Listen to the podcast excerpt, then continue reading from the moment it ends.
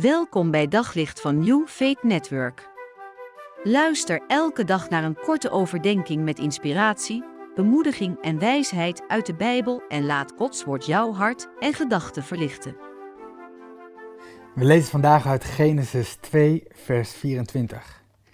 Zo komt het dat een man zich losmaakt van zijn vader en moeder en zich hecht aan zijn vrouw, met wie hij één van lichaam wordt.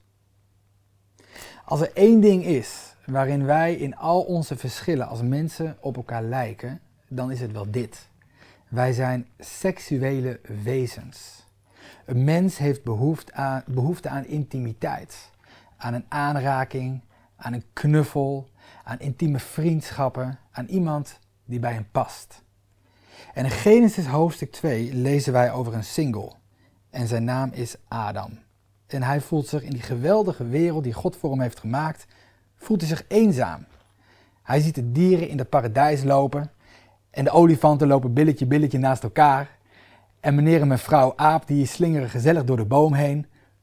Maar Adam heeft geen maatje die bij hem past. En dan staat er zo mooi dat God zijn eenzaamheid ziet. En God bedenkt een oplossing voor hem. Hij brengt hem in een diepe narcose en vanuit een van de ribben van Adam maakt hij de vrouw. En Adam, nadat hij wakker wordt, springt hij de lucht in. Er is nog nooit iemand zo snel wakker geworden uit de narcose. Want wat ziet hij daar? Wie staat daar voor zijn neus?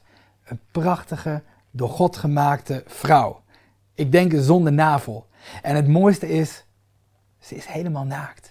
En Adam die rent naar haar toe. En hij neemt haar in, haar, in zijn armen.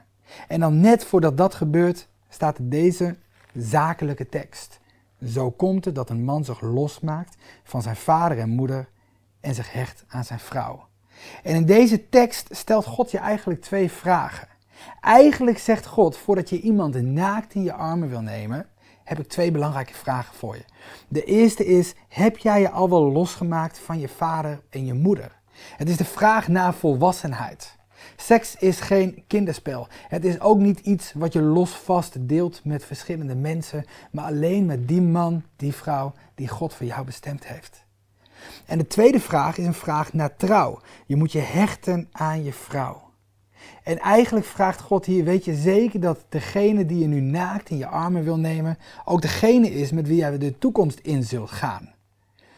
Ga je ook voor haar wanneer je merkt dat ze niet alleen een lijf heeft, maar ook een karakter. Ga je ook voor haar wanneer ze ouder wordt. Weet je zeker dat jullie passies en jullie dromen ook genoeg op elkaar aansluiten. En als dat zo is, dan mag je naar het gemeentehuis en mag je je handtekening zetten. Een huwelijk wordt niet in bed gesloten en ook niet in een liefdesgedicht, maar zwart op wit met allemaal getuigen en de gemeente daaromheen. Ik wil je vandaag uitdagen, ga heel wijs om met het meest intieme dat God jou heeft gegeven.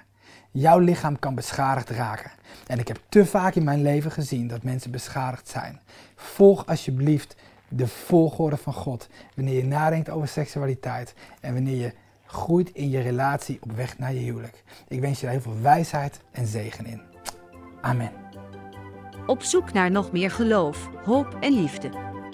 Op New Network vind je honderden christelijke films, series en programma's. Nog geen lid? Probeer het 14 dagen gratis op newfaithnetwork.nl.